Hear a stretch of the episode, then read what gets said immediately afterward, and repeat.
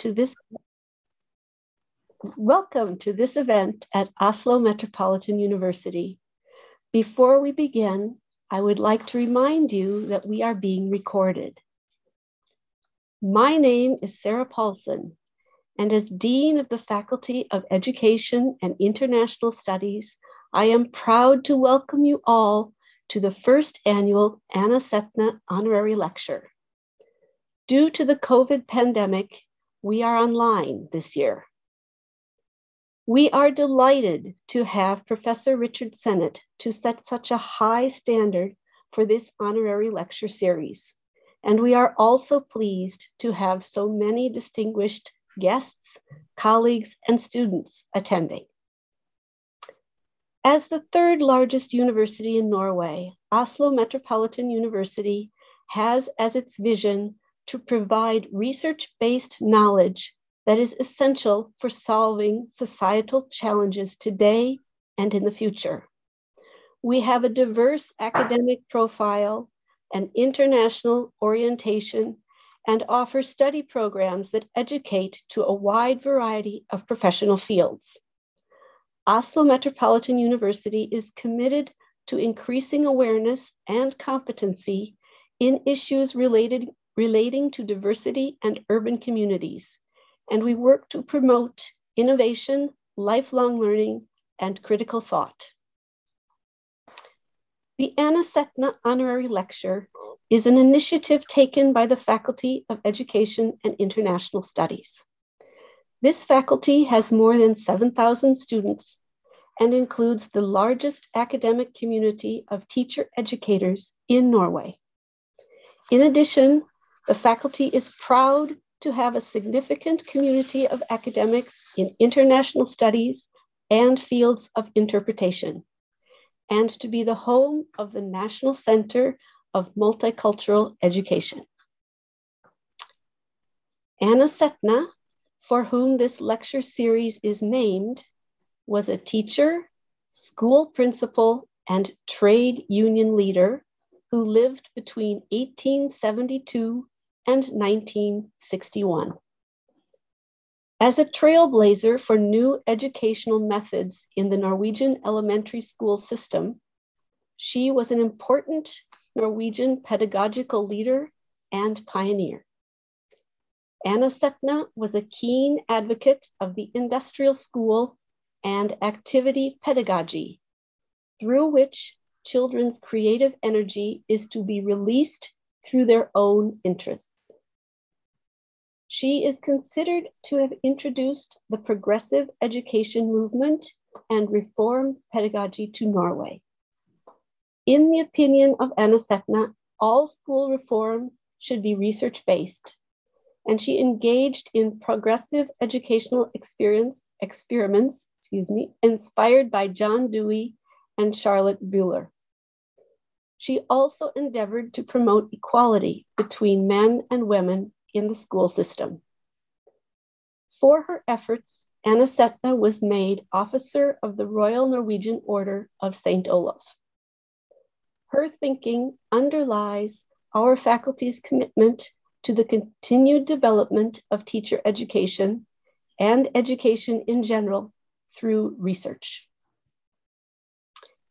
The Anna Sethne Honorary Lecture is to be an annual event that provides inspiration and an opportunity for academic innovation. It is also meant to form an arena for discussions that can strengthen existing cooperation within the academic community and facilitate the growth of new networks between academic communities and institutions nationally and internationally. We hope that these lectures will support Oslo Metropolitan University in reaching our goal of becoming Norway's leading university for teacher educations centered around diversity, sustainability, and interdisciplinarity, as well as promote an emphasis on these issues in other fields. Professor Richard Sennett has kindly accepted the invitation to hold our first Anna Sethne honorary lecture. Throughout his career, Sennett has written on a wide range of topics related to life in an urban setting that are in line with the profile of both the Faculty of Education and International Studies and Oslo Metropolitan University as a whole. As I said earlier, we are delighted to have Professor Sennett with us today. I now give the floor to Vice Dean of Research, Hannah Skoden, who will make the formal introduction and say a few more words about this year's program. Thank you, Sara. On behalf of the Faculty of Teacher Education and International Studies and the faculty's National Center of Multicultural Education, NAFO, I'm honored to introduce Professor Richard Sennett. Sennett is one of the leading intellectual voices in our time. He is a senior fellow of the Center on Capitalism and Society at Columbia University and visiting professor of urban studies at MIT. Sennett serves as a, sen a, senior advisor to the United Nations on its program on cities and climate change he has founded the New York Institute for the Humanities and has taught at New York University and the London School of Economics and Political Science, as well as served as president of the American Council on Work. Professor Sennett is an exceptionally productive academic. Since 1970, he has published a new book literally every other year on topics of historical urban sociology, migration and culture, equity and inequality, exploring how people work and live together in cities and how they manage the complexities of urban life. Topics that are very relevant to a university that has metropolitan as part of its name. Professor Richard Sennett's seminal works explore how individuals and groups make sense of the cities in which they dwell and work. His research combines methods of ethnography, history, and social theory, and continues the pragmatist tradition of scholars like William James and John Dewey and the dialogical perspectives of Mikhail Bakhtin. Sennett's book, The Uses of Disorder in 1970, addresses how personal identity takes form in the modern city. In The Fall of Public Man from 1977, he investigates the causes of our declining involvement in political life and the danger of the cult of individualism, topics that are perhaps even more relevant today. In the 1980s, Sennett took time off from science and published three novels before he in 1990 returned to urban studies and urban design in the books The Conscience of the Eye and Flesh and Stone. In the second half of the 90s, as the world of modern capitalism altered radically, Sennett initiated a project monitoring how employees make sense of the new economy and its effects on the welfare state. In books like Corrosion of Character, Respect in a World of Inequality, and The Culture of the New Capitalism. Between 2008 and 2018, in books like The Craftsman and Building and Dwelling, Sennett explores city life from ancient Athens to 21st century Shanghai. In his latest book that was published in 2020, Designing Disorder, a book co-authored with Pablo Sendra, Sennett revisits his first book and discusses the merits of the open city and its main principles. Throughout his impressive work, Sennett consistently addresses studies of social structure, identity, and urban life, and calls for the necessity of historical perspectives on these phenomena in critical thinking about the present and the future. This line of approach is supported by the commitment at the Faculty of Education and International Studies and Oslo Metropolitan University in general to educating students for the challenges of tomorrow. Richard Sennett's honorary lecture, The Open City, will be followed by a discussion with panelists from our own ranks on topics related to urbanism and diversity. The panel discussion will be chaired by Professor Kim Gunnar Helsvik from the organizing committee. Now, I leave the floor to Professor Sennett. Professor Sennett, the floor or the screen is yours.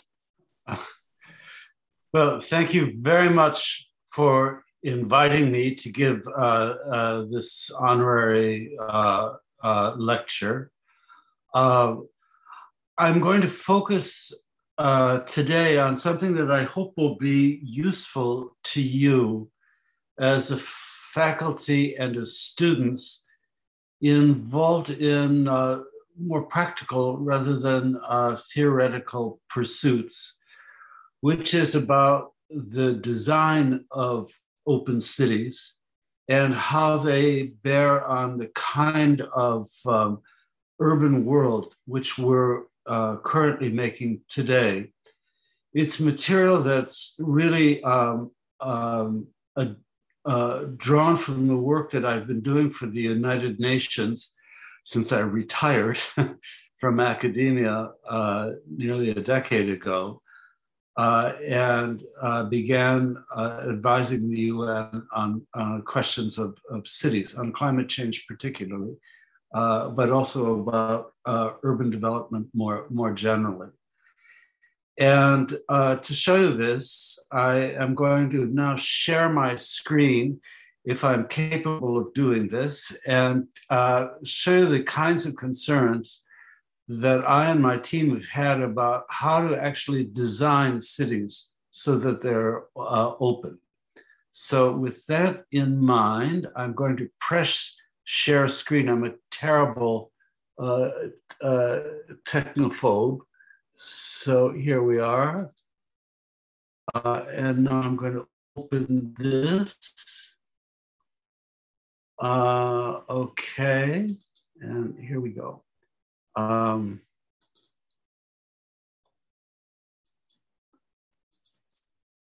wait, I'm not getting this to open. There we are. So, uh, and now let me put this on. I'm sorry about this. I'm so bad at at uh, uh, at uh, this kind of stuff. Uh, so, can you all? I hope you can all see the screen now. As, as I would you let me know if you can? Yes? No? We see your screen, but we do not see a slide presentation,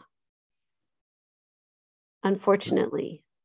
You don't see any of this? No, we see um, your, your list of files. Oh my God.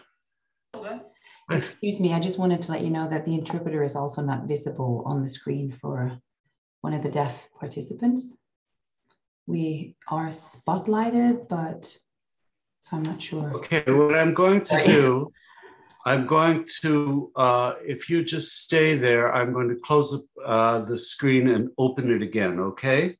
I don't know why this is, but let me quit this. Can you open the presentation on your screen before you share it? Yes, I can. So I'm going to stop sharing. Yeah, and then open your presentation. Okay. And then when you punch there we share, share screen, then you should be able to spotlight your presentation and that will be what we see. Okay. So, oh nightmare. Can, can you now see my screen? No. I'm sorry, we don't see anything. so goddamn. I don't know. Let's go here and let me come back here. I'm going to launch the meeting. Uh, Whoop.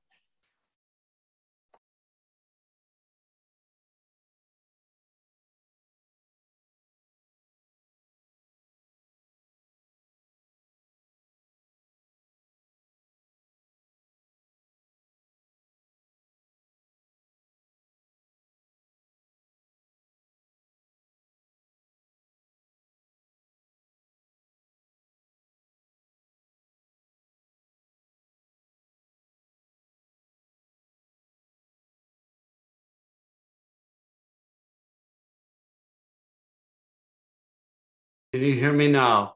Is this okay? Now we can hear you, but we've lost your screen again. Okay, here's my screen. I'm just going to bring it up. Yeah. Can you see it now? If you bring it up a little more, there. Now we see your screen. We see closed and open cities.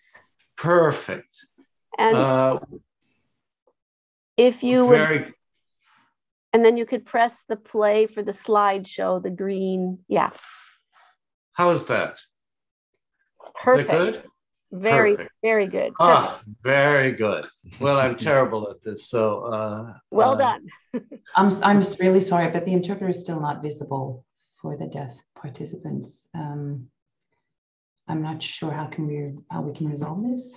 That I can't help you with, So but I'm, I'm I'm hoping someone at OsloMet can help us with that. Is it possible for the Gallery view. pers- participant to someone's- pin to pin the interpreter in addition? To pin it.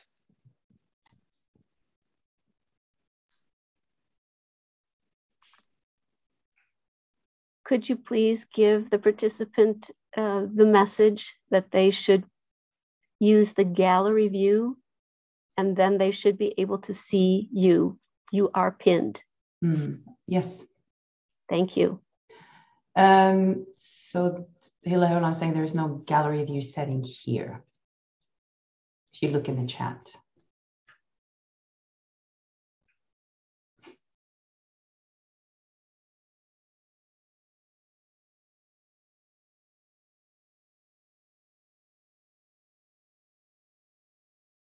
Well, just let me know when you'd like me to go forward, okay?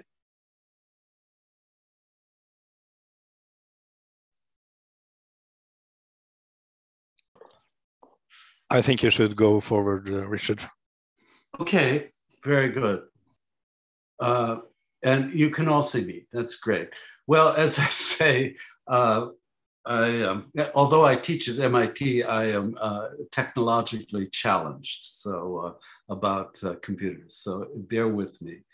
What I'm going to talk to you about, as I said today, is how we can practically open up our cities, which are, in my view, becoming more and more rigid, closed, and inhospitable uh, to uh, uh, both uh, habitation and to uh, questions of equality and inequality. And in the course of this lecture, what I'm going to do is show you first what I think a closed city is like, uh, then some questions about how to open it up, and thirdly, present to you some of the materials uh, on closed and open cities that were presented at the COP26 forum on climate change, uh, uh, which uh, closed two months ago in, in Glasgow. And I hope this will give us the material to, um, to have a good discussion afterwards about how we can make cities more open. And I thought I'd start by showing my image in my mind of what an open city is like from the work uh, that I've been doing with the UN. This is Nehru Place in Delhi. It is a, a market, uh, an open air market. It's actually uh, just a little raised above uh, the ground floor, uh, which is uh, principally uh, where people in Delhi go to buy electronics. it's also the innovation hub for uh, uh, new software development in uh, in Delhi. I don't know if you can see my my cursor moving, but the building on the side here, which was formerly government offices, are now is now houses a lot of startup firms. In the open space that you see here, people are selling uh, both uh, new and used and stolen, I have to say, uh, iPhones and everyday electronic equipment, intermixed with more traditional kind of market selling clothes um, and food. The thing that's remarkable about this place is that this uh, is a market which mixes uh, uh, Muslims and Hindus in the city. And uh, uh, both as traders and as consumers. And it is one of, in a city which has been racked by interethnic violence. This is uh, a place that has been largely free of it, in which a diversity of people work together in relative harm, harmony. Um, uh, and uh, in, I wouldn't say toleration, but I mean uh, in a way where they let each other live. And it's a place that is, therefore, it's both economically diverse and it's socially open. And it has always been for me a touchstone of the kinds of cities that we should be trying in general uh, to make. Uh, but we aren't making those cities. We're making closed cities, and I'm going to try and take you through the reasons why we're making them.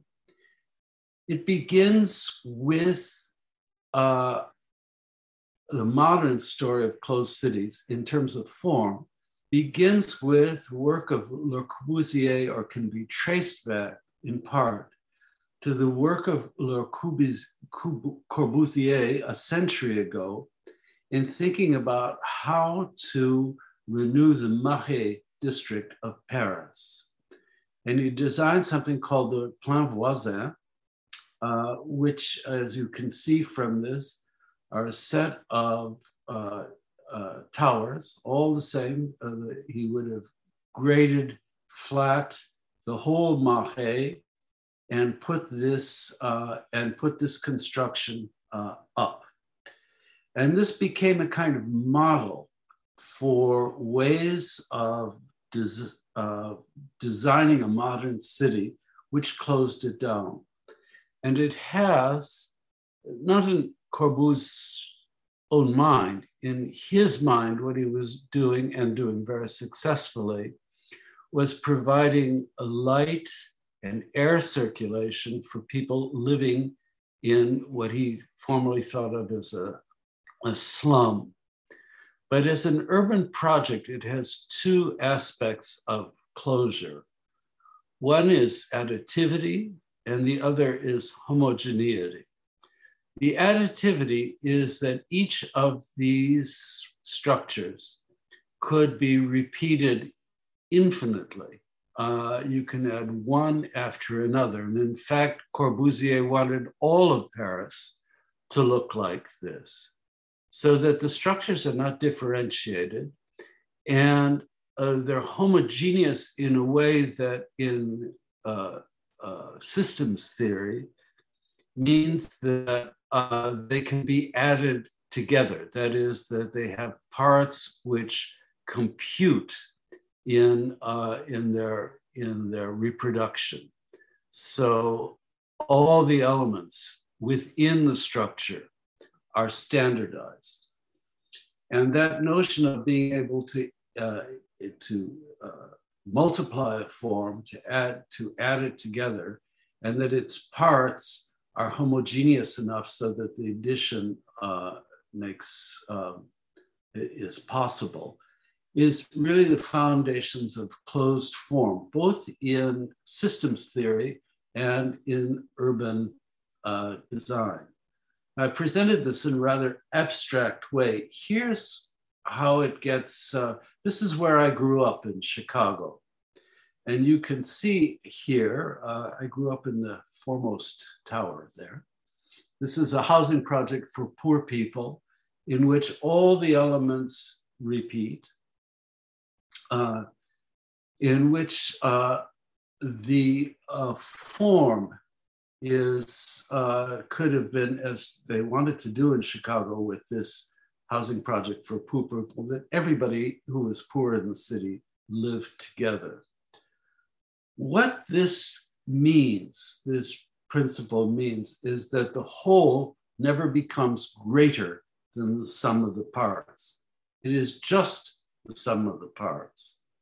And that has a profound impact on community because you're living in a kind of standardized space in which the assemblage of housing doesn't really make any difference to how you live. Um, this is not just something of uh, uh, that concerns the poor, although we tend to build for poor people uh, closed forms like this. This is in Tokyo, and what's interesting about this is that the outside of these skyscrapers look quite different, but in fact, internally, they're all the same. They were all built by the same developer. They use exactly the same uh, uh, floor plate plans. Uh, uh only the surface architecture uh, is different. And it's why when we think about closed form, we have to look at what the form is made of internally, as well as its exterior appearance. And this has become one of the ways in which capitalism can reproduce itself all over uh, uh, the globe in terms of internationalized ways of building. That is, you take a closed form and you put a different skin on it, and it looks like the buildings are in fact different.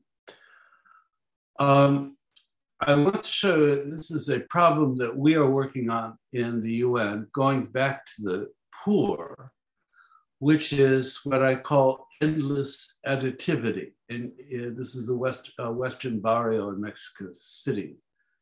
And what you can see here is that there's no real definition. The, the forms here are just added and added and added into this enormous barrio, which has no town center and which has no definition as a place.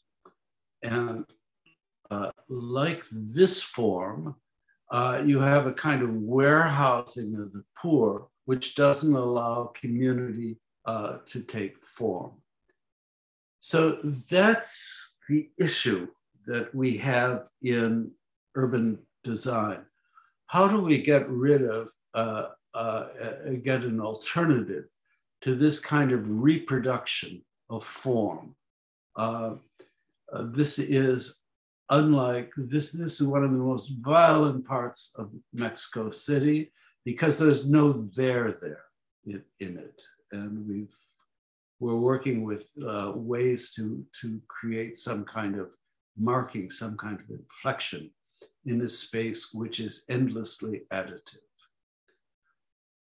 Uh, the second aspect of a closed city is that its form is static. And here I have to go back to um, a way we think about uh, spaces which derives from what's called the Burgess model, done by Ernest Burgess in Chicago, just around the time that uh, Corbusier was formulating the, um, uh, the Plan Voisin. And it's actually the idea that a city has can be rendered into a diagram which simplifies its its overall uh, contours into zones. Uh, that is that you could make a diagram like this, which shows you the form of a city in a way that where there each zone is distinct from the others. It became a very um, uh, pervasive idea of the city and what uh, this is a garden city, which was a development in the first in, in Britain in the uh, early part of the 20th century, which was the notion that you could draw a plan of a city in which all the parts were articulated and fit into zones in a way that interconnected in a logical uh, uh, fashion. Uh, this is it, this may look to you like an old time um, uh, urban design, but much of the kind of re uh, uh, the bringing of agriculture into the modern city, the attempt to green it, is actually based on this model, which is that the built and the green are separated in a kind of rational, static fashion.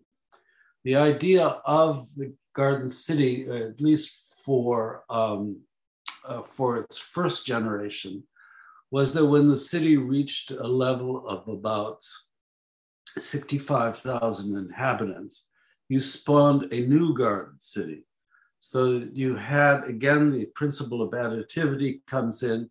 You have a replication of the same form in starting a new kind of city. Uh, the third thing I want to really uh, signal to you, which is really important about closure, is that it has too tight a fit between form and function. And here we come to something which is very, very modern, which is this tight fit between form and function, is how we are thinking today about smart cities. And I'm going to show you one example of why a tight fit between form and function, which became a kind of modernist uh, mantra in the last century and now uh, serves um, uh, for much of the designing smart cities. What's wrong with it? And I'm going to uh, explain to you in, in terms of um, smart city of Masdar, which uh, is near Abu Dhabi in uh, uh, uh in the in the Emirates. Uh, it's a city which is meant to computerize a lot of transport uh, and to control transport. And one of the ways it does so is by creating kind of dot, what are called docking stations, which uh, are places where these automatic cars can park. And here was the original plan for this. This is super high tech, super expensive uh, plan that was made to uh, precisely control movement in Masdar. There was a problem, however.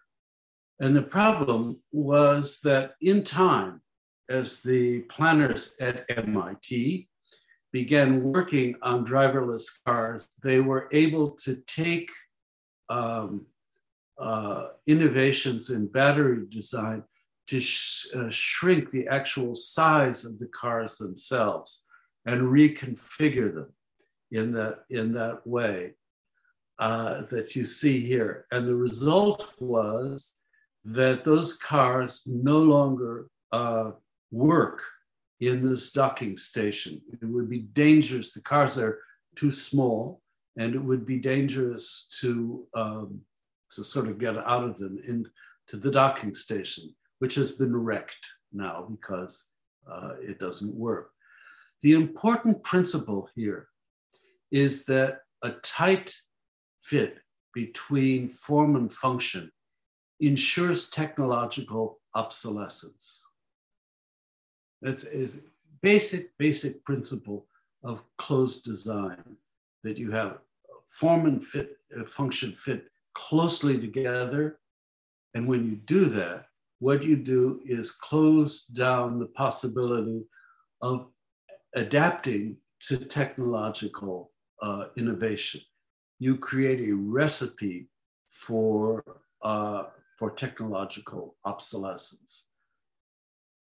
So I've just given you a kind of overview of what the problems of a, of a closed city are. They are uh, additivity and homogeneity as a principle of generating new form. They are uh, the notion that there are coherent zoning and zones of the city, that a city can be looked at as a kind of diagram. And most of all, that there is a tight fit between form and function. So, how do we get out of this? That's the question that I've been thinking about as an urbanist uh, most of my life. And now that I'm working for the UN, I've been thinking about ways of, uh, of, um, of putting it into practice. And I want to start with a phenomenon uh, which uh, in English is called porosity. That is a kind of uh, membrane like uh, relationship between uh, uh, different zones in the city. Their porosity is their intermingling. And to start with something that seems to us the most unporous thing in the world, that is a wall. But when we look at walls in particular, they don't function quite the way they might seem physically. This is the a wall in Avignon, and it is in fact a very porous space, um, sheltering on either side of the uh, well, uh, sheltering on the inside of the wall in medieval Avignon, were a lot of the, the poor and the rejected in the city, particularly uh, Jews, and Avignon also had a certain number of, uh, uh, of uh, Muslims too. And they inhabited this wall on the inside. Uh, the wall was cracked uh, because on the outside, by purpose, because on the outside of it, uh, was a lot of the illicit uh, dealings of the poor that were not controlled by the, the markets of the poor for food and, uh, and for clothing, which were escaped the control of uh, uh, people in the, the authorities in the city center.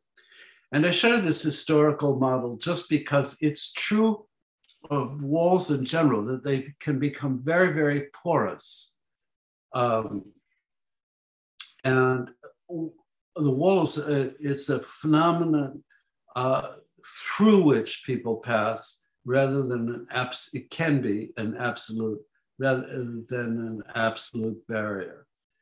And so it is that kind of situation that we are trying to uh, deal with in cities, that when we're trying to uh, uh, break down walls of this uh, sort, uh, we've done a lot, for instance, to try and uh, suggest to Palestinians the ways that they, the Israel uh, security, so-called security wall, uh, could be on the Palestinian side, be used as a place for informal trading that, that go way up against uh, the wall itself, use it as a shelter and so on. So it's a really important principle of urban design. Um, porosity exists in street space as well as it exists in uh, uh, seemingly impenetrable visitable form. Here is Dharavi is a slum in Mumbai, and the porosity here is between the buildings and the open space in the street. This, I don't know if any of you know much about Mumbai. It has a tiffin system where uh, uh, lunch, hot lunches, are, are served by uh, throughout the city by a system, a system of couriers, very efficient. And the lunches are being made here. You can see it before in the street. But it's porous in a more uh, fundamental way which is that people work in workshops or within the ground floors or out in the street on the ground floor, and the first floors are where people live. So that means that the street is a place in which, for instance, uh, if children go outside, you're able to see them from uh, first floor, in which women can and do work on the in these ground floor shops or uh, or food uh, uh, uh, kitchens, and are able to keep an eye on their children who are either in the street or above. So this is what a porous street looks like. In the background, I have to say you're looking at a disaster um, for which the UN is partially responsible which is an attempt to give people a more healthy city uh, environment by putting them in Corbusier like uh, structures, which are full of light and air and are absolutely deadly. And those structures are shunned by the residents of uh, this part of Dharavi because they want to be able to uh, have a more porous relationship between living and working. Uh, I show the other side of this because it's also an important issue. This is not the same street, I'm sorry, but consider uh, uh, homologous. What's important about this kind of porosity is that, that what you don't see in this picture is across the train tracks is the local school.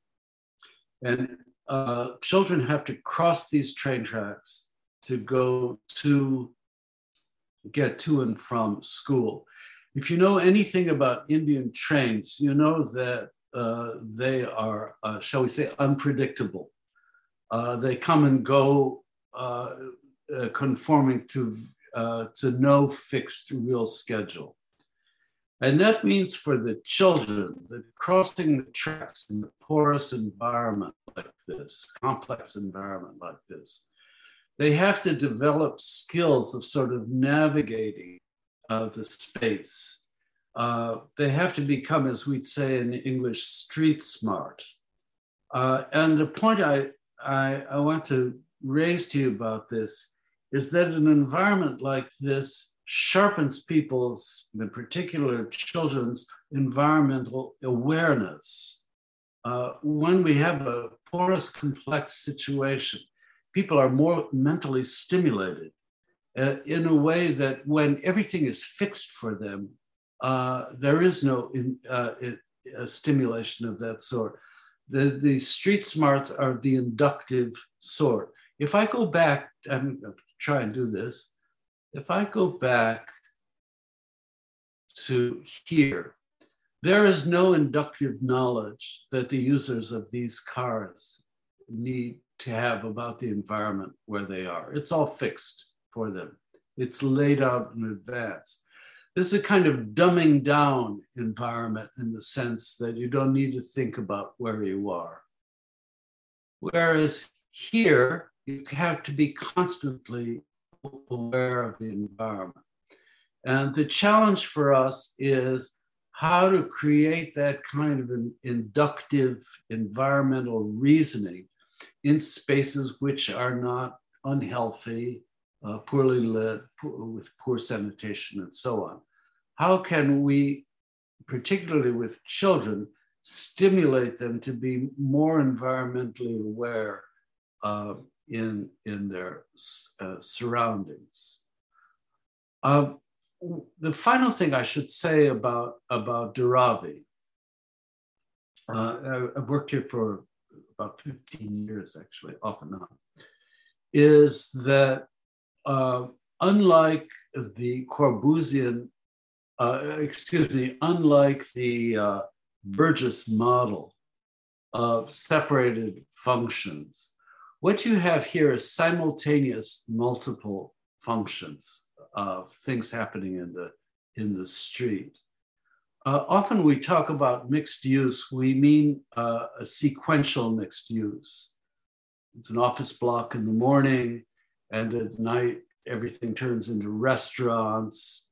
Uh, that is, it's mixed use, but the uses don't happen at the same time. To have an open city uh, those different uses have to go on at the same time. They have to be simultaneous rather than sequential. So that's these are the elements of porosity that uh, you have um, uh, what seem to be that you are able to colonize and break apart what seem to be um, uh, solid walls that spatially uh, you have uh, a situation in, in which there's simultaneous multiple functions going on. And this, the, the space itself invites inductive learning rather than prescriptive behavior. That's that's the. I'm going to show you a little about how uh, porosity can be designed in built form. Uh, this is my dean and my student at MIT, Hashim Sarkis, faced this challenge in Lebanon after the civil war 30 years ago. He was asked to build a school for students, uh, small, uh, young students, children 8 to 12, just outside the hills of, of Beirut. And after a period in which there had been civil war in Lebanon for 14 years. And what he worried about making was a fortress. Uh, and instead, he, he, he thought to himself, what can I do to take, this was the initial proposal given to him. What can I do to make children feel that they're more open to their environment rather than they're still in a system, they're still in a situation where they have to hide, where they have to be inside, where the walls need to be absolutely a kind of defense against the outside. And here's what he decided to do. Now, this is the form, and this is how he unpacked it. To it may seem to you very simple. Go back, it's down here somewhere. Uh, it may seem to you that these elements you know, uh, can't be disaggregated. But simply uh, by an act of taking the parts and spreading them, understanding that they could be spread, you get for children something that is more integrated with its environment. It still has elements of uh, uh, containment were these kids to come under fire but it's been the experience of doing this which has made um, the process of going to school something which is less fearful for them. And when I've thought about the pandemic, for instance, I've thought that, you know, rather than trying to create this sort of relationship uh, where people are walled in, that the architecture of the pandemic has to be more, uh, think more in the way that uh, Hashim uh, thought about schools. That how do we create places which give physical separation, but also social uh, integration? Uh, so that's a kind of design thinking we're interested in. Now, I want to talk a little more theoretically for a moment about an important distinction in all um, open systems and open city theory, which is the border boundary distinction. A border is a porous edge, like that wall I showed you at the beginning, whereas a boundary is a more rigid edge uh, in which uh, uh, uh, there, there is no porous exchange at the side. Uh, and it's founded as, and this is work we've been doing it in the UN, on something which is uh, this, this social and architectural uh, principle between borders, that is something porous, and boundaries, which are not, on something in nature, in an ecological border, the edges, here the white foam that you see, are the most biologically uh, intense parts of the distinction uh, between where the land meets the sea. It's here that predators feed off of each other, that the pace of evolution is greatest. Uh, the same thing works um, um, within the ocean itself between uh, different temperature layers, where uh, it's at the at the kind of borders between different temperature layers in the ocean that you have the most biological activity. Whereas an ecological boundary is like this is of my students made this up. These are boundaries of tiger droppings established in territories which are a no go uh, thing for other tigers who don't, you can see it in the little red uh, businesses in there, uh, uh where tigers uh, uh, create a kind of, by peeing or, or by their dung, create a kind of don't, don't cross here. And the importance about this is that an edge can be a site either of life or of, of, of death. It can be an inert or it can be uh, a, an active uh, um, edge. And what we want in urban form is something like this, where at the edges, say, between poor and lower middle class communities, or between centers and peripheries, that the edges are places of intense uh, activity. Uh, so we're trying to get away from the notion that the center of a community is the place where its, its life is most intense, but that rather that we should be concentrating resources like schools, health clinics, and the like, on the equivalent of an ecological border, that is, where a health clinic or a school would bridge two communities that otherwise would be separated from each other. So, this is a principle of urban design which privileges the edge over the center. And if you think about this in cultural terms, a lot of when we think about, you know, communities that belong to whites or communities that are belong to blacks, we think about the center of the community where, um, which is the most important social space in the community. No, not at all.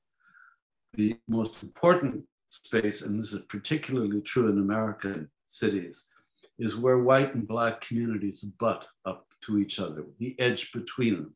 That's where we should putting, be putting our resources not within the community. This is a very important thing.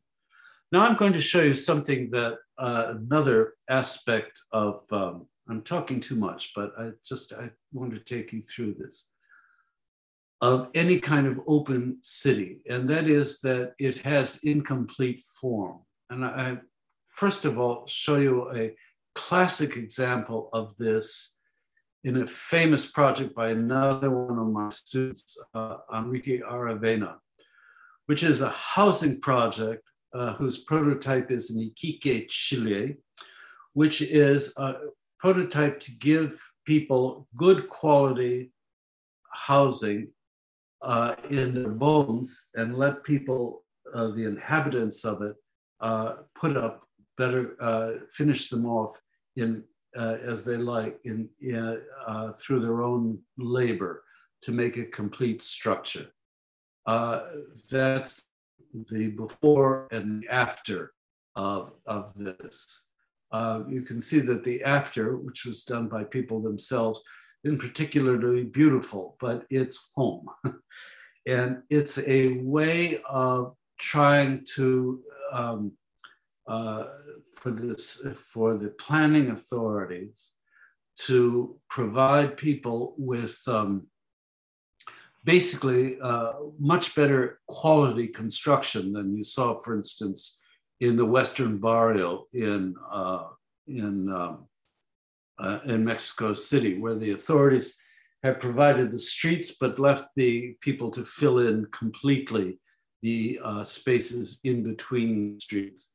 Here, the notion is that you don't really pay attention to, um, to provision of kind of overall form, but rather to providing a good quality of uh, infrastructure for the form, leaving it incomplete for people to, to, um, to, to complete, uh, complete the economically, the advantage of this is that something that's well made like this, when it's finished, has more economic value than something that is completely given to people, but is of a lower quality.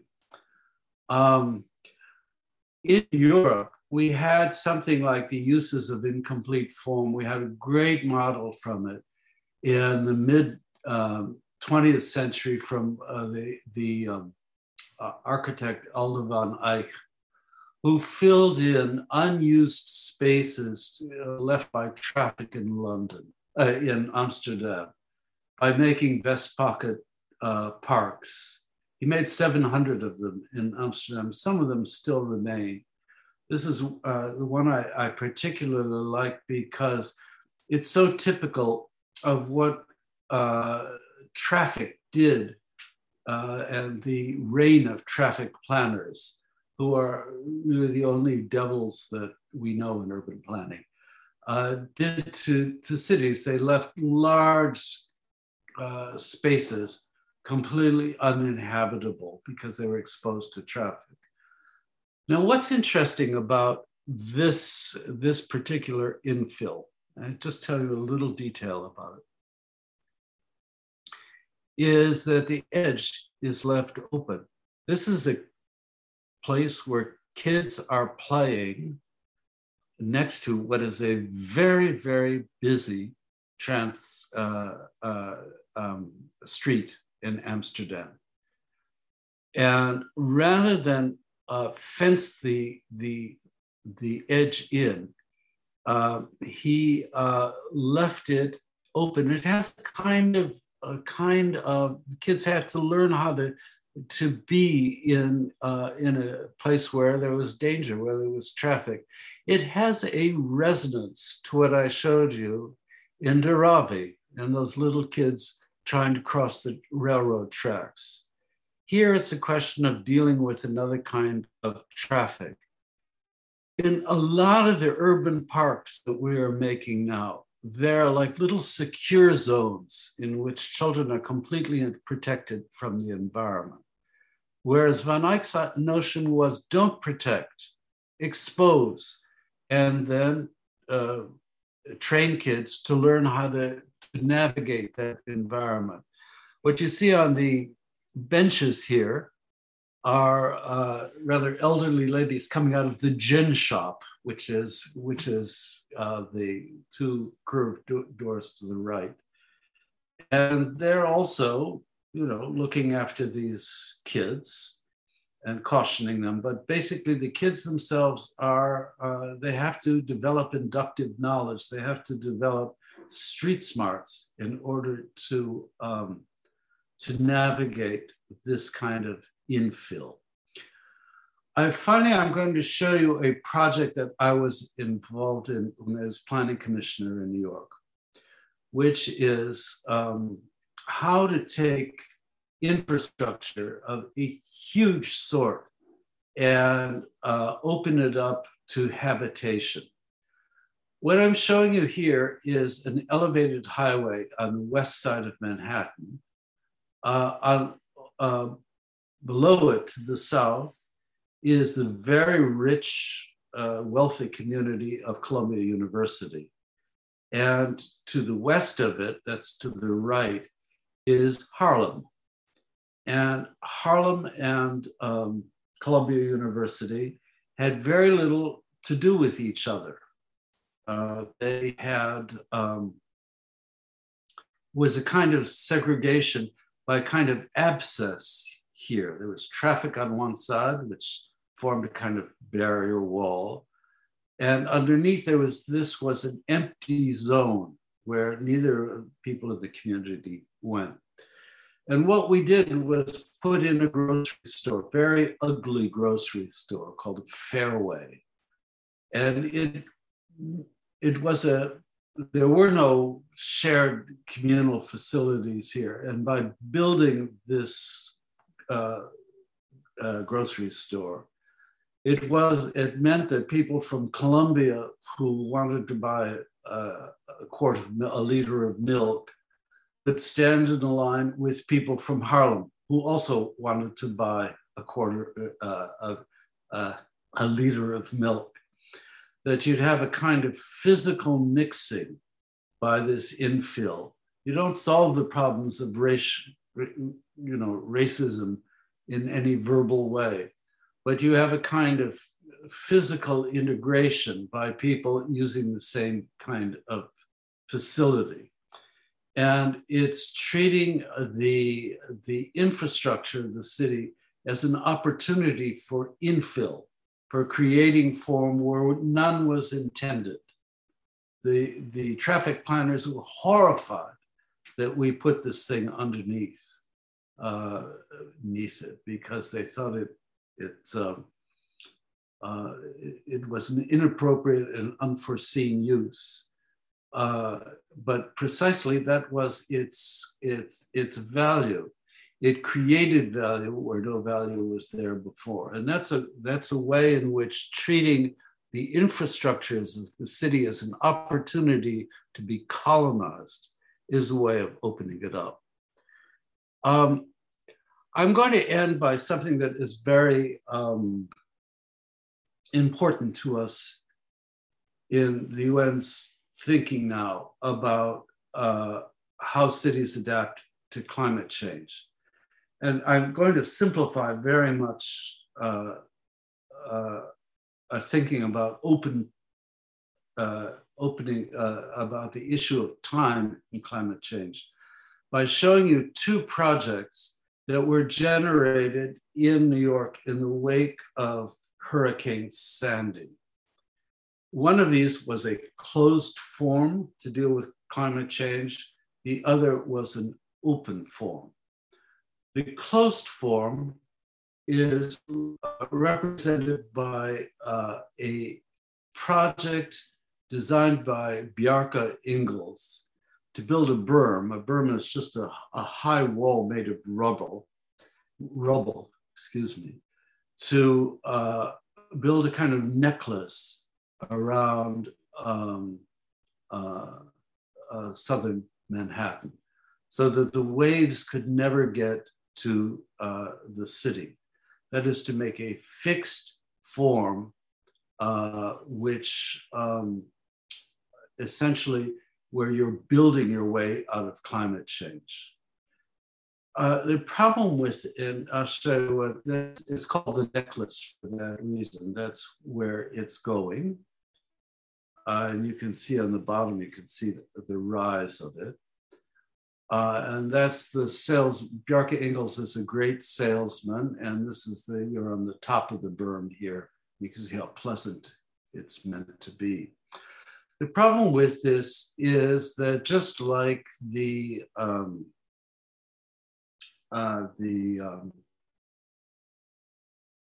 uh, the parking station in Masdar, that this form is fixed, and uh, two years after Hurricane Sandy first struck, we had another um, uh, hurricane uh, uh, in New York City, caused also largely by changes in, in climate, uh, which topped over, which would have inundated this, this space.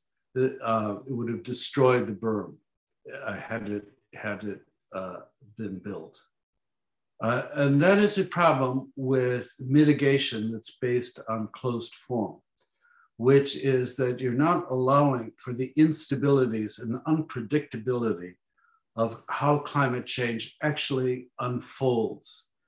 We know, for instance, in the long run, uh, you know, every time a huge bit of ice breaks off from Greenland, what the ultimate effect is going to be but it's very difficult to model from uh, one year to the next how that effect is going to actually uh, realize itself.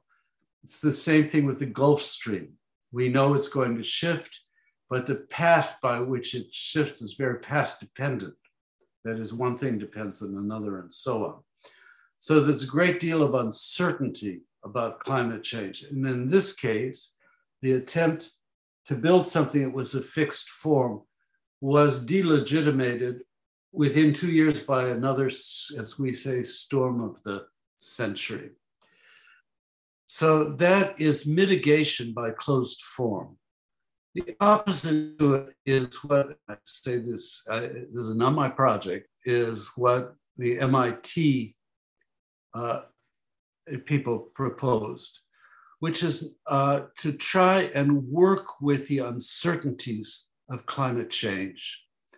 Uh, not to think that you can uh, just push it away, you can build your way out of it, but that you can, this is mostly a project, uh, let me see if I put this in here. It's mostly a project about gradual soil accretion through planting um, grasses in the edges of the Hudson River around New York.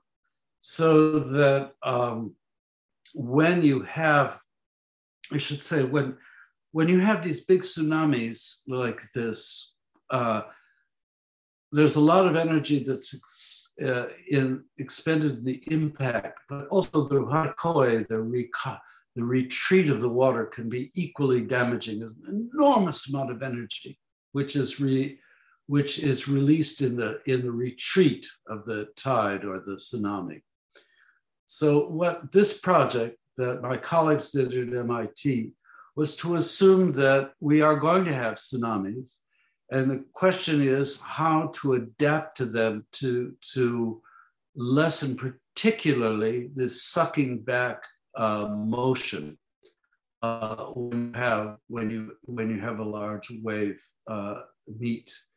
And we are now trying to work with the Japanese, obviously, about the way, you know, they had before built storm surge barriers.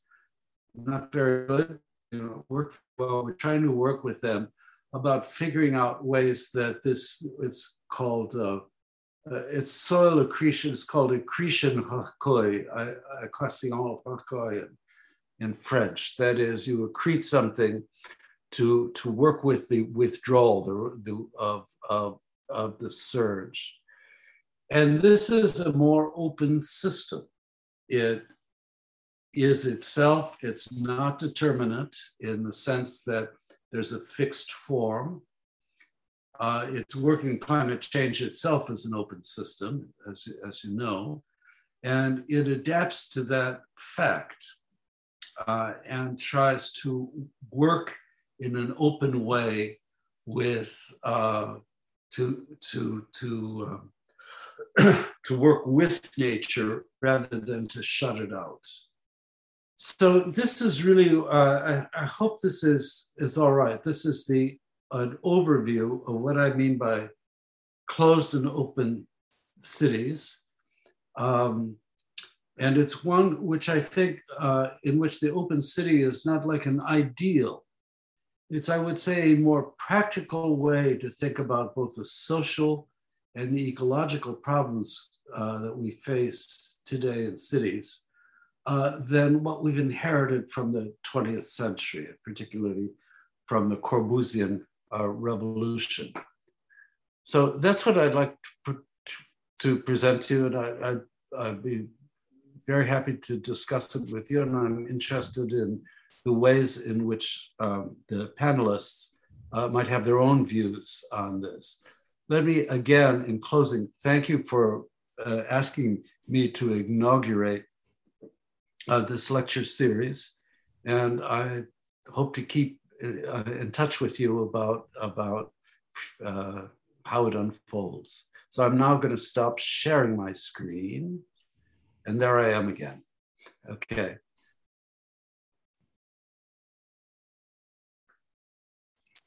Thank you very much, uh, Richard, uh, for this uh, both pointed, hands-on, and very um, alive lecture. Uh, even though we um, all find ourselves in, if not entirely in outer space, at least in this webinar space, you you made it very much uh, um, alive alive to us. My name is uh, Kim Helsvig. I'm an historian of education here at um, at this university, and I will be the moderator for this uh, comments and questions uh, session. Um, uh, we have invited three of my colleagues here at Oslo Metropolitan University uh, to start the debate. Um, Hedvig Johannessen, Marit Haldar, and, and Torgeir Haugen. And uh, the three of them will make their comments before you, Richard, um, uh, response uh, after after that. And I would also like to say to you in the audience that you can you can um, put your questions in the chat and uh, uh, if time allows us, I will try to bring those uh, a couple of those questions into the discussion at the at the end of this um, session. So mm, to not spill any more time and with uh, no further ado, it's my it's a pleasure to introduce and to give the word to um, the sociologist of knowledge, uh, Hedvig Johannessen. Uh, Hedvig has worked uh, much on vocational education and training, and it should should also be added here that uh, um, some 20 years ago she uh, wrote a very inspired uh, review of your corrosion of character in the oh. in the Norwegian sociological yearbook. So so please, Hedvig. Thank you. There, uh, thank you, Kim, for those uh, kind words.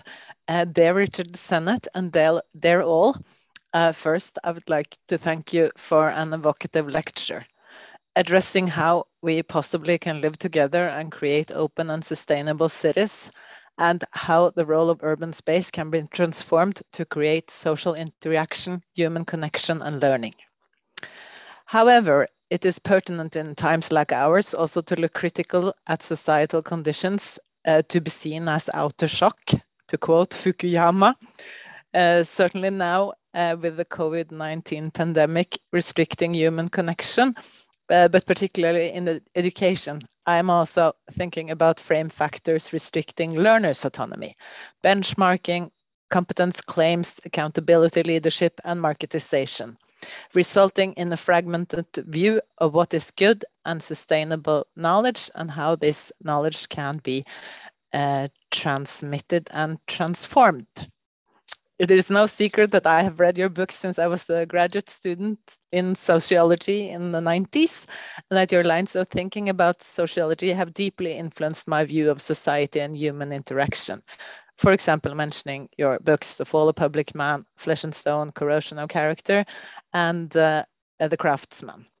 And your line of argument and how you show through your writing how material structures, historical, societal conditions shape us humans with agency, but also on the other hand, uh, how social structures are shaping and restricting our social interactions, uh, identity development, and also deter social inclusion and promote inequality.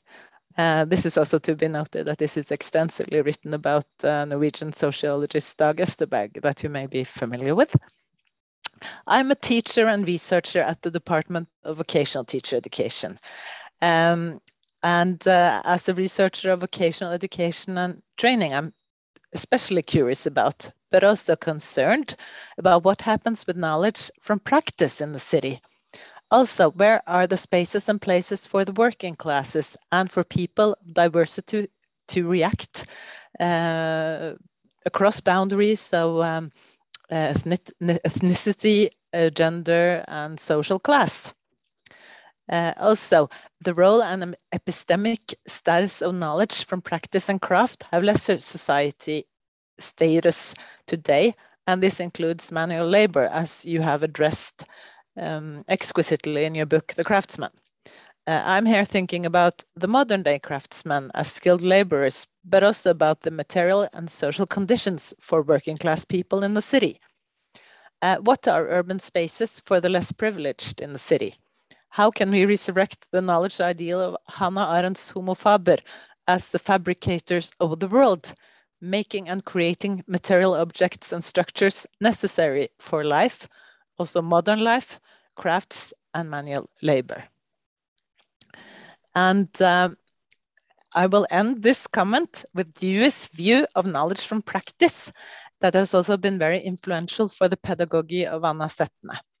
Uh, Dewey's claim that learning from practice entails that learning by doing does not only suffice, but also Dewey includes the undergoing, meaning the social response on the experiential learning by others as essential to the learning process. This means that an educational system should not produce competence aims to be checked off, but instead open up and trigger reflection in the learner and influencing and improving for further practice and practicing. We as learners depend upon each other. How can and how will we as teacher, educators and learners in vocational and general education foster social inclusions and make space for diversity also in different knowledge types and claims? How can we break or possibly crack uh, the mold set by the Cartesian division of knowledge by the hand and the head, integrating practical and theoretical knowledge in an open and learning city? Thank you. Thank you, Hedvig. Um, we then, thank you, Hedvig. We then go to our next commentator. Um, that's the welfare state sociologist Marit Haldar. Um, she's the director of CEDIC, that is the Center for the Study of Digitalization of Public Services and Citizenship, and uh, here at this university. And she's also the leader of the multidisciplinary research group uh, Welfare Access Through Technology. So um, then the floor is yours, uh, Marit. Uh, thank you very much. and uh, dear Richard Sennett, thank you for a very interesting lecture that has made me think of many new things and also to rethink much of what I have learned from reading your books mm. about the public, privacy, intimacy, the open city, and now also the incomplete forms and um, and also this um, distinction between border and um, boundaries. I think it was very interesting. But I have uh, two things I want to ask you that are in a way connected. Let me use the situation we are in now. You should have attended OsloMet and given this lecture as a public man physically. But due to the pandemic, you couldn't come to Oslo. And this gives us an opportunity to apply your thinking and theories to reflect upon what kind of situation we are in now. So, my first question to you, Mr. Sennett, is where are you now? And where am I? are we in an open public together, or are we each for ourselves? Or are we in something else? Are we in a different kind of presence a different kind of togetherness? Is this a new kind of public? Or is the new digital technology just a new arena for the public to enter, which does not change anything? The second thing I wonder about is also tied to the context of the pandemic. Uh, in many ways, the pandemic acts as an epistemological magnifying glass that, that makes us see the norms and the rules of everyday life more clearly and in new ways. The pandemic has put at stake the ways we think about relationship between being locked out and being locked inside, I think. During the pandemic, many cities has been, have been closed, but for whom has the city been closed and in what ways? Some have been able to take the city home. Some have had to go out in the city against their own will, such as the traditional working class occupations, cleaner workers, transport workers, not to mention the nurses and work uh, care workers that can't work from home. And what about the children and the homeless people? In many, uh, it would be very interesting to hear what you see as premises for the open city, now that many have experienced it as closed. What is this openness about and for whom? Now that the digital on a large scale probably has come to stay. What role does the digital play in the open city? Thank you for your attention. Thank you. Thank you, Marit. Um, Um, then go on to our final commentator, the historian of literature and ideas, Torgeir Haugen. Um, he has published in both Ibsen and Hamsun, as well as uh, uh, about science fiction, um, humor, and the grotesque. And his latest uh, book is called uh, Over Individual Cultural Forms Tradition and Experience for Children in the Age of Individualism is due to be published uh, published next month. So so please uh, please Torgeir. Thank you very much, and uh, I must say thank you for a uh, very good lecture which you've given to us, and uh, it brings us many things to think about, but there are also many things to um, discuss. I think because uh, uh, when you look upon the way we build today, you can see that the the footprints to the houses are very large, and uh, you are uh, appreciating very open societies, and uh, that's ideas which I appreciate, and I think the most of us like open spaces and openness between people, buildings, and the way to move. But you pointed to uh, Corbusier by, by yourself. That is something which can be discussed. And um, one of his ideas was that you should live one place, work another, spend your leisure time another place. And um, shouldn't it be possible to live, work, and uh, spend your leisure time within a walking distance? That's one of my questions. And uh, if you are going to do that, it, you must have uh, different functions within one space. So you cannot have just one function at one space of living. Uh, in addition, I uh, very much of what is being built today, there's very little nature. So if you're going to have a leisure time, your leisure time will be maybe in the street. And uh, if you're going to move to a green society, which is sustainable, which allows the children to meet nature and different, we must also in some way bring nature, mustn't we, within our closer surroundings. And if you, the platforms, if you build like a, one of the examples which you showed for us from your students, there are a lot of buildings on a rather small space, but on the model which you displayed to us, there's a lot of nature around that buildings, but uh, very often it's not any space there.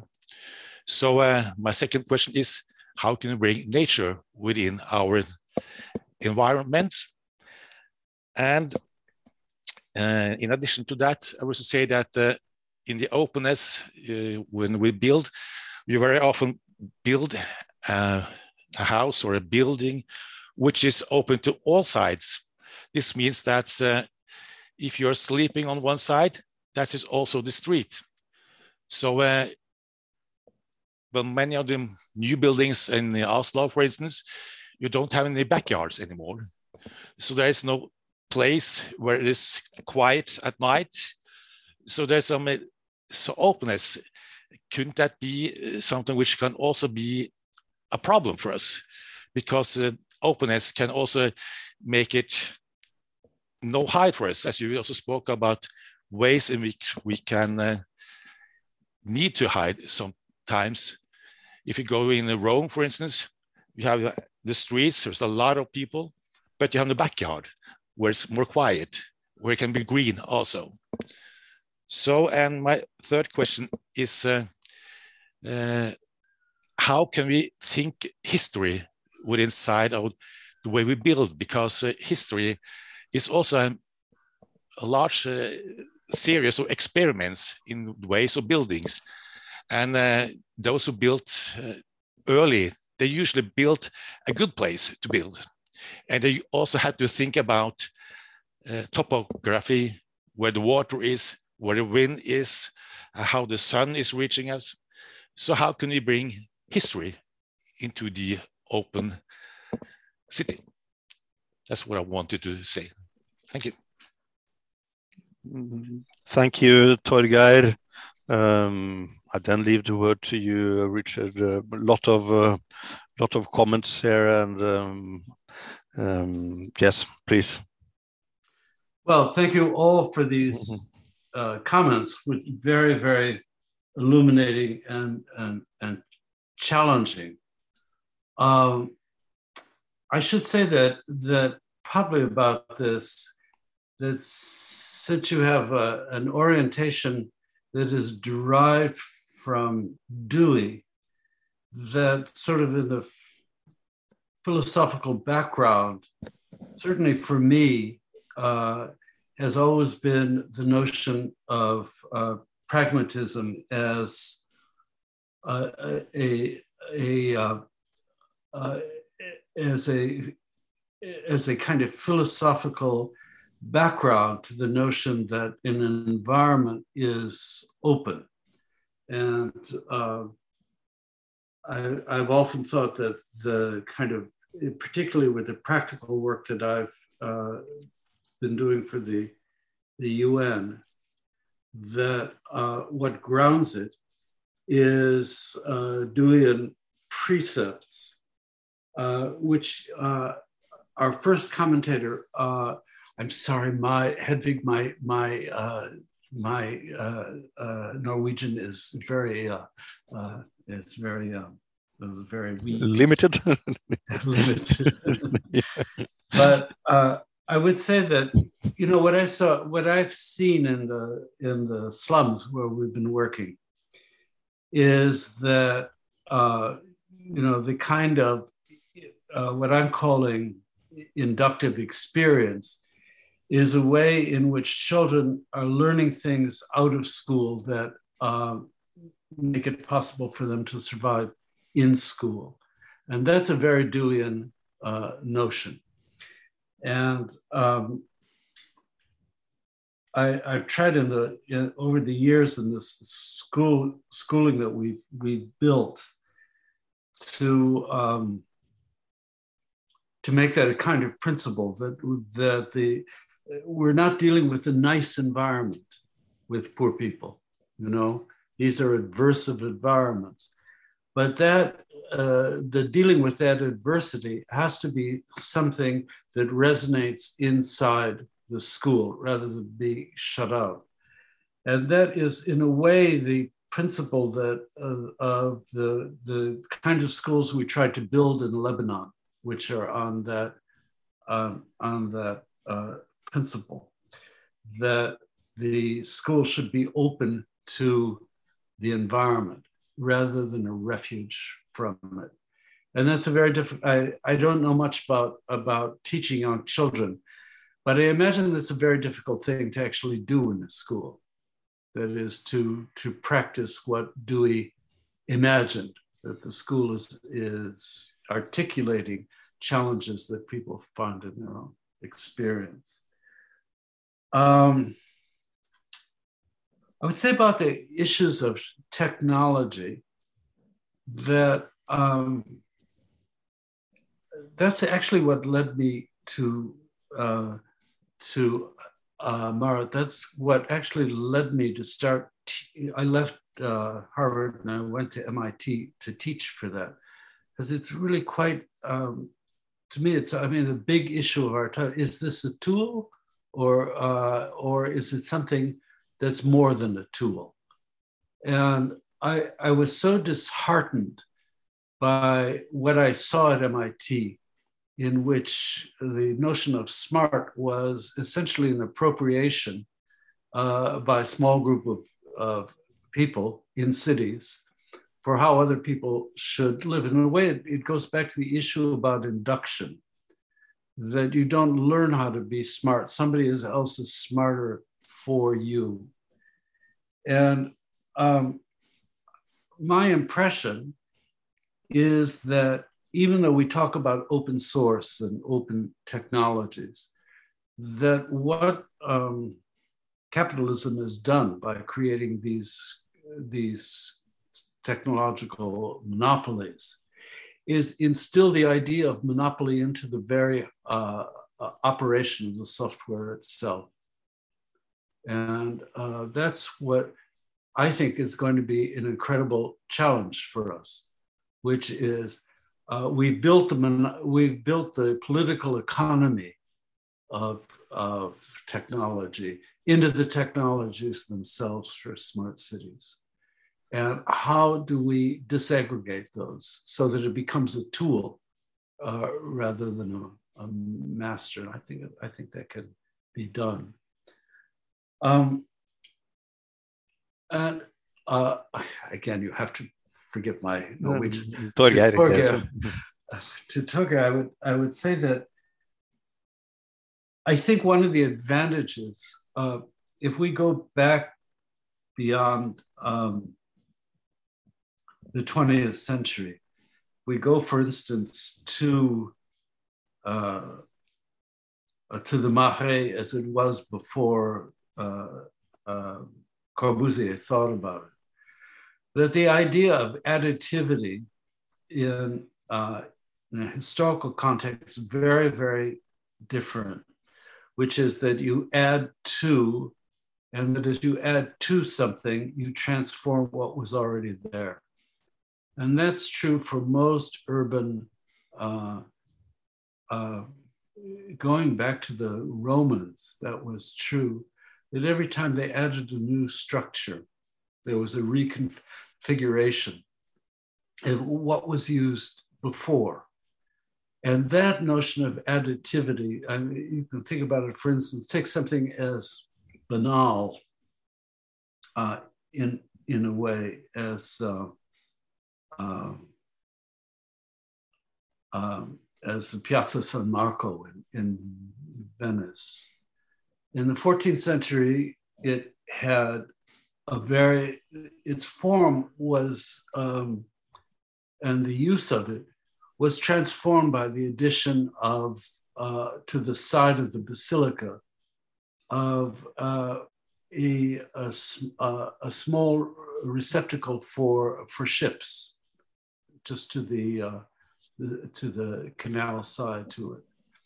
Suddenly, this space, which it would have been a, a sacred space, was a mixed space. And we see that always in, in kind of historical evolution of cities. I think what's happened in, in the 20th century is that that kind of additivity was replaced by a different notion of additivity, and uh, in which uh, an old use uh, would be unaffected. Uh, there would be no, there wouldn't be this kind of historical dialogue. Uh, and the problem with that is that there's kind of a split consciousness that people have about things that need to be preserved as though as they always were and adding something new that's part of this kind of modern alienation from history the notion that a history transforms the memory and the uses of what was there before so that has seemed to me an enormous challenge a very practical challenge when you know when we uh, when we worked in in places that want to develop like like Delhi, oftentimes what they want to do is simply have a district which is the historical district and that's preserved like a museum. And then the new is added to that as a way that has nothing related to it before. Uh, and we've encouraged that through things like um, uh, the UNESCO project and you know World Heritage sites. They can never be changed. You know, they can never be interfered with. It's a kind of fetishizing of the historical object in, in its aura. You know what I mean? so um, that that it seems to me is where history ends. In, in a way, history stopped when additivity of the Corbusian type uh, began. And you can see, uh, see that.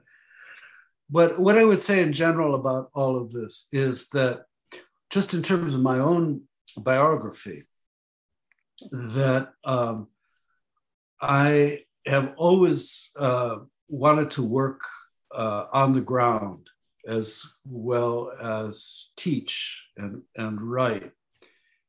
And what I've found these last 15 years, 10 years actually, 12 years uh, to be precise, since I have had this uh, close involvement with the UN, is that uh, there are many things that I'm having to reconsider uh, by doing this practically that I had not sufficiently uh, thought of before, particularly the notion of um, public space, which I wouldn't, when I wrote The Fall of Public Man, I had imagined that public space was a kind of theater, you know, that it was, it came out of this dramaturgical tradition of thinking about it. And now I see it's something that is much, much different than the theatrical space. Uh, so it's always that's what pragmatism is all about. That um, um, the practice uh, dethrones uh, uh, things you've taken for granted. Unfortunately, I'm too old to rewrite any of these books, so they they are what what they are. Just just one uh, question, Richard. Um, um, could you say something in general? Uh, how these things are received by politicians, your ideas are received by politicians, bureaucrats, developers. Uh, you seem quite optimistic about the possibility of changing direction and making this uh, um, go in new directions, but um, you're up against uh, strong, strong, strong forces, yeah. so to speak. Yeah. Well, I mean, I think it's very important that, um, and I think the older you get, the more important it becomes. That what you don't give into is a kind of existential despair about how difficult it is to do things. Uh, um, I, you know, we face this in COP 26. I gave a version of this talk in COP 26. Politicians loved it, and it made no difference to them. Hmm. You know? Uh, but that doesn't matter uh, you know, they they've all declared a climate change, uh, climate emergency, and that was yesterday. You know, today they've gone on to something else. but I really don't. I what I think we as intellectuals, what we need to do, is in a way uh, that the kind of critical function of uh, in, uh, doing intellectual work can become itself a very dead end. And um, I mean, we should take it almost, I would say, as a given that things are going to, to mess up. Uh, and the question is not for one's own sake, not to imagine that therefore you stop thinking about what should be. What I have come to think in particular about climate change is that in about five or six years, when this is going to be the, uh, uh, transformative, the ways we live now are not going to be possible, uh, even beginning in five or six years. That at that point, there will be a real incredible political upheaval because the generation that's, I, I don't want to say anything about Norway, about this. I promised myself I would not say anything about Norway. But let me just say, and I'm sure it's, it's evident to you, that the divorce of what politicians say from what they do is something that won't won't be possible in five or six years. The, the crises will be too great. Um, when you have a city like New York or London, which is uh, whose sewage systems stop because of sea rise. It's not enough to say, oh, yes, we have a climate emergency and we have a committee studying mm-hmm. this. Mm-hmm. So I think this is going to be an, an enormous change in the politics of the, you know, it's it's that that these practical men are going to be faced with something that they no longer can just push to the side. Mm-hmm. And um, So if I look at my crystal ball, I don't know if I'll live long to see, enough to see it. I think we're going to have a vast, vast political upheaval within the next 10 years mm. about this mm. problem which we've neglected. You are not alone in predicting that. Um, any comments from my fellow panelists here? Um, yes, uh, I just uh, a side a comment from the side uh, in Stockholm to control uh, uh, what is going on in the old city. They they decided that the, the prices for the shops were not allowed to be free because they were just the big shops taking all the space in the old city. So to make it uh, possible for diversity for smaller dealers to sell something, they said that you can't take more than that that price for each square meters here. So um, what I'm trying to say that sometimes you have to maybe have to control capitalism in uh, make it more diversity. Yeah, yeah, that's that's true. Um, do you want? Uh, do you have any comments from the public that you want to share with us? Um, yes, uh, in, a, in, just a minute, I will uh, I will sum them up and and and um, and uh, I think we'll use the last ten minutes um, for for comments and questions from the public. I just have one uh, question to you before we we go there um, because we have we have spoken a lot about uh, both you and Anna Sethne being much inspired by John Dewey.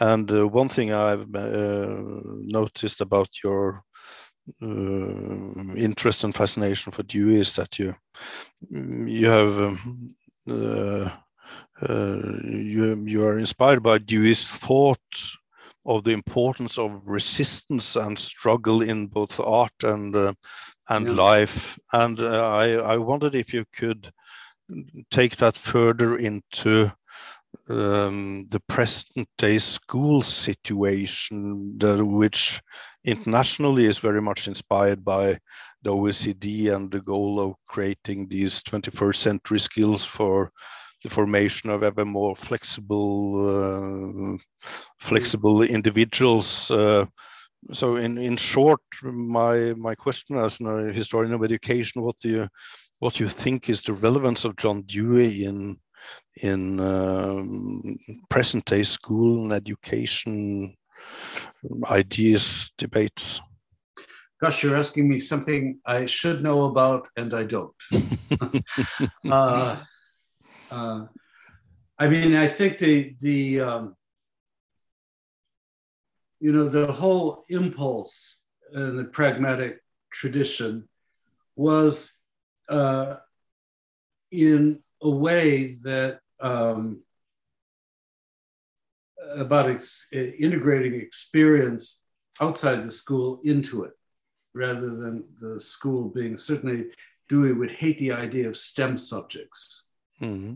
as though you learn a, a skill and then you go out and you sell it, you know, because that's not really a skill because it has no test it's never been articulated by experience. Um, I have to say to you, I um, one of the things I like about teaching in uh, I've mostly taught most of my life, although I'm a sociologist, I've taught in architecture schools, is that that's some way of actual physical design is some way of having the experience of education which is propositional you know what I mean? That's how mm-hmm. architects mm-hmm. work. Uh, you put up a proposition, teams of young students put up propositions, and they're discussed. And propositional learning, at least in architecture schools, is wonderfully stimulating, much more stimulating than lecturing. And I think mm. even than discussing, you know, uh, because it's um, it's about something that's made and uh, which can be dealt with that, that way. And but, just, and at the same time open up for the improvisation that you're so um... right. Uh, and the fact is, there's no one. I mean, this what's behind all open systems thinking is the notion there's no one right way. Mm. There, uh, and that's what propositional thinking opens up. That there are many ways uh, to do something. And uh, when we teach people, at least in the bailiwick I know, which is physical design, when we teach people that there's a right way to solve a problem, we've killed the mind of the person who's doing it. You can see it in, in, um, in policy planning too. Best practices, what a horrible idea that is. You know, you should follow what is the best practice. Well, uh, you're it's you're you're you've gone brain dead at that point. You're just imitating someone else rather than thinking about the situation you're in. Mm-hmm. So um, it's a kind of false. It's a kind of uh, false notion of knowledge. Seems to. I don't know with in your ability with with uh, the history of education whether that's something new to the pragmatists or not. No, I'm, I'm just curious to to hear what your what your thoughts uh, about uh, the, the current trends in educational policy toward this flexibility, the 21st century skills, and how that will might relate to Dewey. But uh, this could be endless discussions, and let's not yeah. go there now.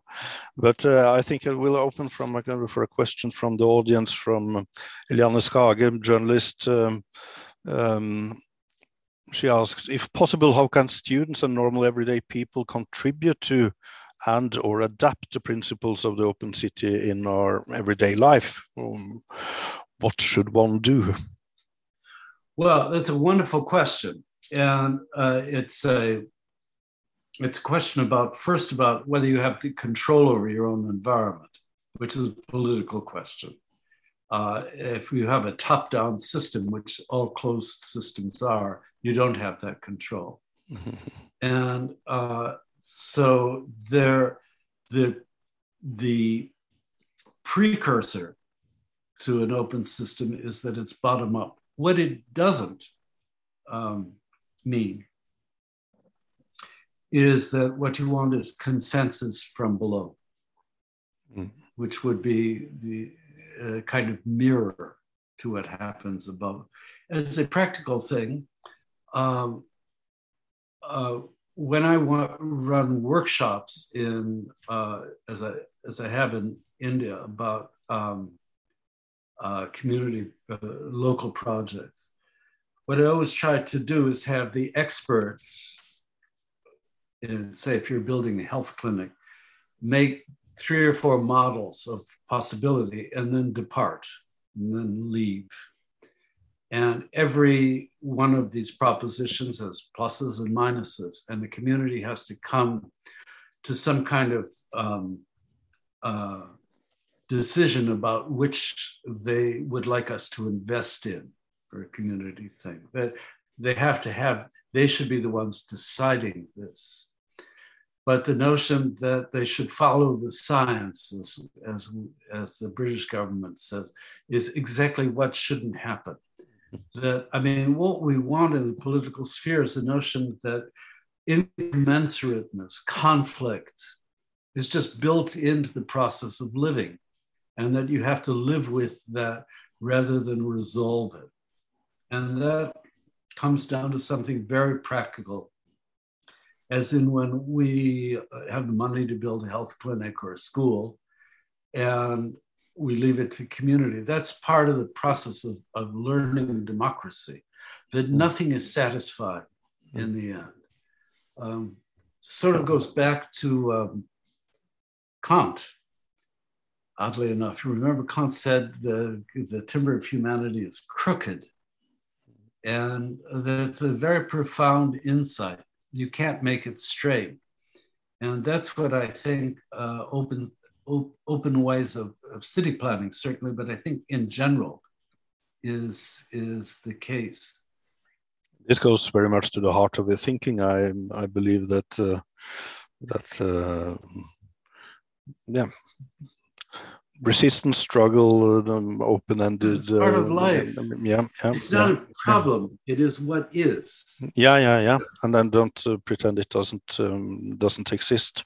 or that it can be solved. Yeah. Yeah, or it can be uh, that it can be resolved. Yes, of course. Uh, we have one more question from the um, from the audience, and then I think we'll that this will be the last question before we uh, before we, we end this session. Uh, Sagar Sen um, ask, does the open or closeness of a city make its inhabitants open, closed, or something else? How does this dynamic work? Ah, this is a great question. uh,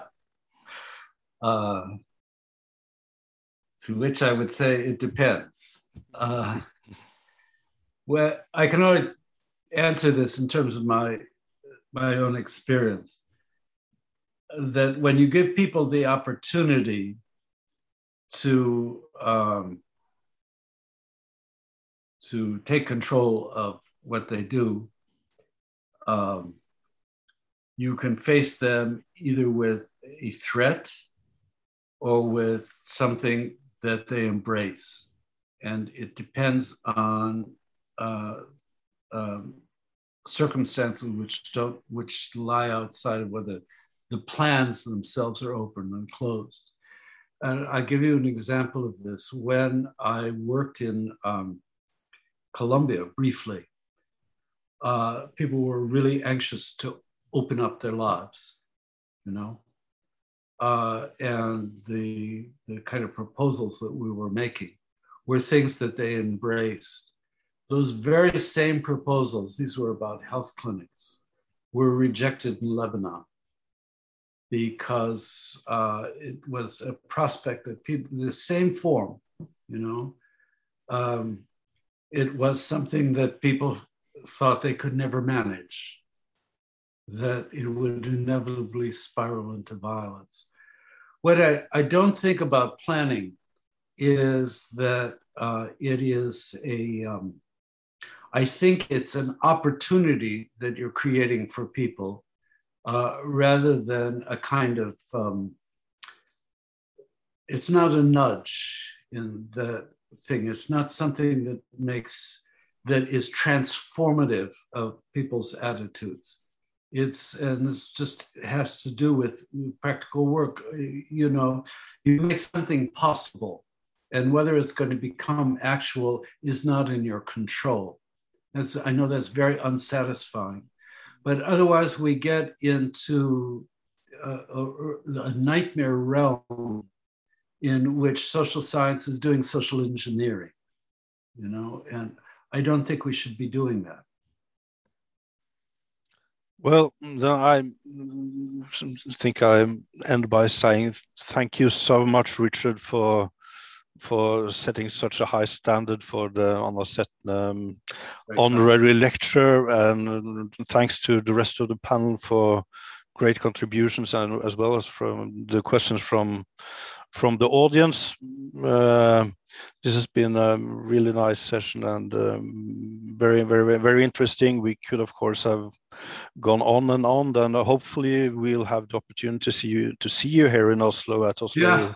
Metropolitan University and uh, in, um, in later later on when when things have um, opened up again. Uh, They will. and uh, maybe we will. And uh, so then I finally then close the circle and leave the leave the word to our dean uh, Sarah Paulson. So thank you very much, Richard. Thank you. Yes, thank you so much. It's been a great pleasure to have you, and we've really enjoyed your thought provoking talk.